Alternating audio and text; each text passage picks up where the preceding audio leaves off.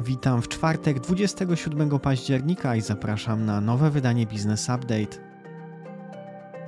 Business Update to codzienne informacje biznesowe. Odsłuchaj przed pracą i zacznij dzień z przewagą. Wszystkim słuchaczom przypominam, że uzupełnieniem podcastu jest newsletter, w którym przesyłamy codziennie wszystkie źródła informacji, które czytam w podcaście. Dodatkowo moment dostarczania newslettera jest też sygnałem, że podcast jest gotowy do odsłuchania. Niekiedy niestety Spotify albo Apple Podcast lubią poinformować o tym fakcie z dużym opóźnieniem, nawet godziny. Obecnie wydania wychodzą około godziny 8, jednak wraz z rosnącą liczbą słuchaczy będziemy starać się wydawać serwis wcześniej. Zatem jeżeli zależy Państwu na wcześniejszym wydawaniu podcastu i serwisu, to niezbędna będzie pomoc w naszej promocji, na przykład przez lajkowanie naszych publikacji w social mediach, czy po prostu polecanie nas znajomym. Wczoraj WIG20 rósł aż o 3% do 1488 punktów, w Stanach Zjednoczonych wręcz przeciwnie, S&P 500 spadało około 1% do 3830 punktów, a Nasdaq o 2% do 10971 punktów. Od piątku słabnie dolar, dziś kosztuje już 4,70 i jest tańszy od euro, za które płacimy 4,74. Gospodarka i makroekonomia. PiS zrezygnował z procedowania projektu dotyczącego utworzenia Rady do Spraw Bezpieczeństwa Strategicznego. Projekt miał budzić wątpliwości związane ze zgodnością z konstytucją. Polska sprzedała na giełdzie EEX uprawnienia do emisji CO2 w cenie 76,50. Poprzednio dwa tygodnie temu cena była o 10 euro niższa. Wiadomości z Unii. Rada Europejska osiągnęła porozumienie w kwestii charakterystyki energetycznej budynków. Unia Europejska zmierza do tego, aby nowe budynki do 2030 roku były budynkami o zerowej emisji. Już istniejące budynki miałyby osiągnąć zerową emisję do 2050 roku. Wiadomości ze świata sprzedawcy w Kanadzie mogą teraz naliczać dodatkowe opłaty za płatność kartą kredytową. Ma to na celu przerzucenie na klientów opłaty, jaką sprzedawcy są obciążani przez wydawców kart. Każdorazowe przyjęcie karty kredytowej oznacza dodatkowy koszt równy od 1,5 do 2,5% wartości transakcji. W Unii Europejskiej opłata ta od 2015 roku ma limit wynoszący 0,3% wartości transakcji. Informacje biznesowe. JP Morgan nie wywiązał się z planu tworzenia w Warszawie 2,5 tysiąca miejsc pracy do końca tego roku. Obecnie jest w połowie drogi i wciąż zatrudnia. Firma miała przyznany grant wielkości 20 milionów złotych. Notowana na New Connect Drago Entertainment podpisała list intencyjny z Game Dust. Współpraca ma dotyczyć przeniesienia portu gry Gas Station Simulator do świata VR. Wcześniej Drago Entertainment nie dogadał się z Movie Games. Grupa CCC planuje przeprowadzić rozmowy z bankami w kwestii przedłużenia terminów wymagalności przypadających na pierwsze półrocze przyszłego roku. Grupa chce przedłużenia umów na poziomie 250 milionów złotych na następne dwa lata. Do sieci Pocztek Punkt liczącej 2,5 tysiąca punktów grupy Eurocash dołączyły właśnie sklepy Groszek i Arhelan. Paczki Pocztex można odbierać w łącznie 17 tysiącach lokalizacjach, w placówkach pocztowych, automatach paczkowych oraz w sklepach. CD Projekt planuje remake pierwszego Wiedźmina. Ma on powstać we współpracy ze studiem Fool's Theory, które specjalizuje się w grach roleplaying.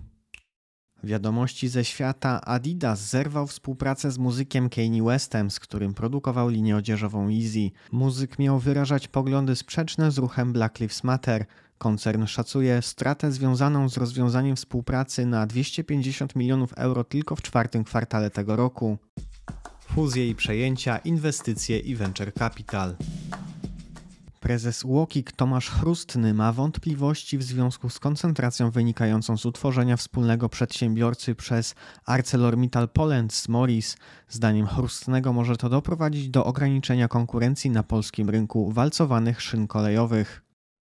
Polski fundusz VC Market One Capital uzbierał drugi fundusz wielkości 80 milionów euro dla spółek technologicznych. Środki w połowie pochodzą od instytucji publicznych, a w drugiej połowie od prywatnych inwestorów. Poprzedni zebrany fundusz osiągnął IRR na poziomie 27%. 70% finansujących zdecydowało się kolejny raz powierzyć środki funduszowi. Nowy fundusz zainwestował już w trzy spółki, w tym w lipcu 23 miliony złotych w Morgrove. AirPower Investment podpisał umowę finansowania do 30 milionów euro z opcją podwyższenia do 40 milionów euro na 18 miesięcy na projekty PIWI za granicą. Finansowania udzielono z funduszy pomostowych, którymi zarządza francuski inwestor Eiffel Investment. Allegro zrefinansuje kredyt bankowy w wysokości miliarda złotych zaciągnięty w Santander Bank Polska, aby ułatwić sfinansowanie zakupu 100% akcji w spółkach MOL Group oraz WeDo. Uruchomienie dodatkowego kredytu przewidziano na około 9 listopada tego roku. Spółka Action planuje skupować akcje własne. Kwota przeznaczona na zakup będzie wynosiła maksymalnie 20 milionów złotych. Przy obecnej kapitalizacji może to być nawet 7% kapitału własnego. Wiadomości ze świata Elon Musk poinformował współinwestorów, że zamierza sfinalizować przejęcie Twittera do piątku. Wśród inwestorów, którzy pomogą finansować zakup to Sequoia Capital, Binance czy Qatar Investment Authority. Kwota inwestycji to 44 miliardy dolarów. Inditex sprzeda swoje rosyjskie aktywa do Daher Group ze Zjednoczonych Emiratów Arabskich, bo nie przewiduje powrotu do Rosji. W marcu Inditex zamknął tam 500 sklepów prawo i podatki. Syndyk upadłego Idea Banku będzie próbował odzyskać od LC Corp w Amsterdamie spółkę Idea Leasing i włączyć pana Czarneckiego do grupy wierzycieli banku. Złożył pozew przeciwko LC Corp o wartości blisko pół miliarda złotych. Zdaniem syndyka łączna masa upadłościowa wraz z odzyskanym aktywem pozwolą zaspokoić wierzycieli banku w 100%.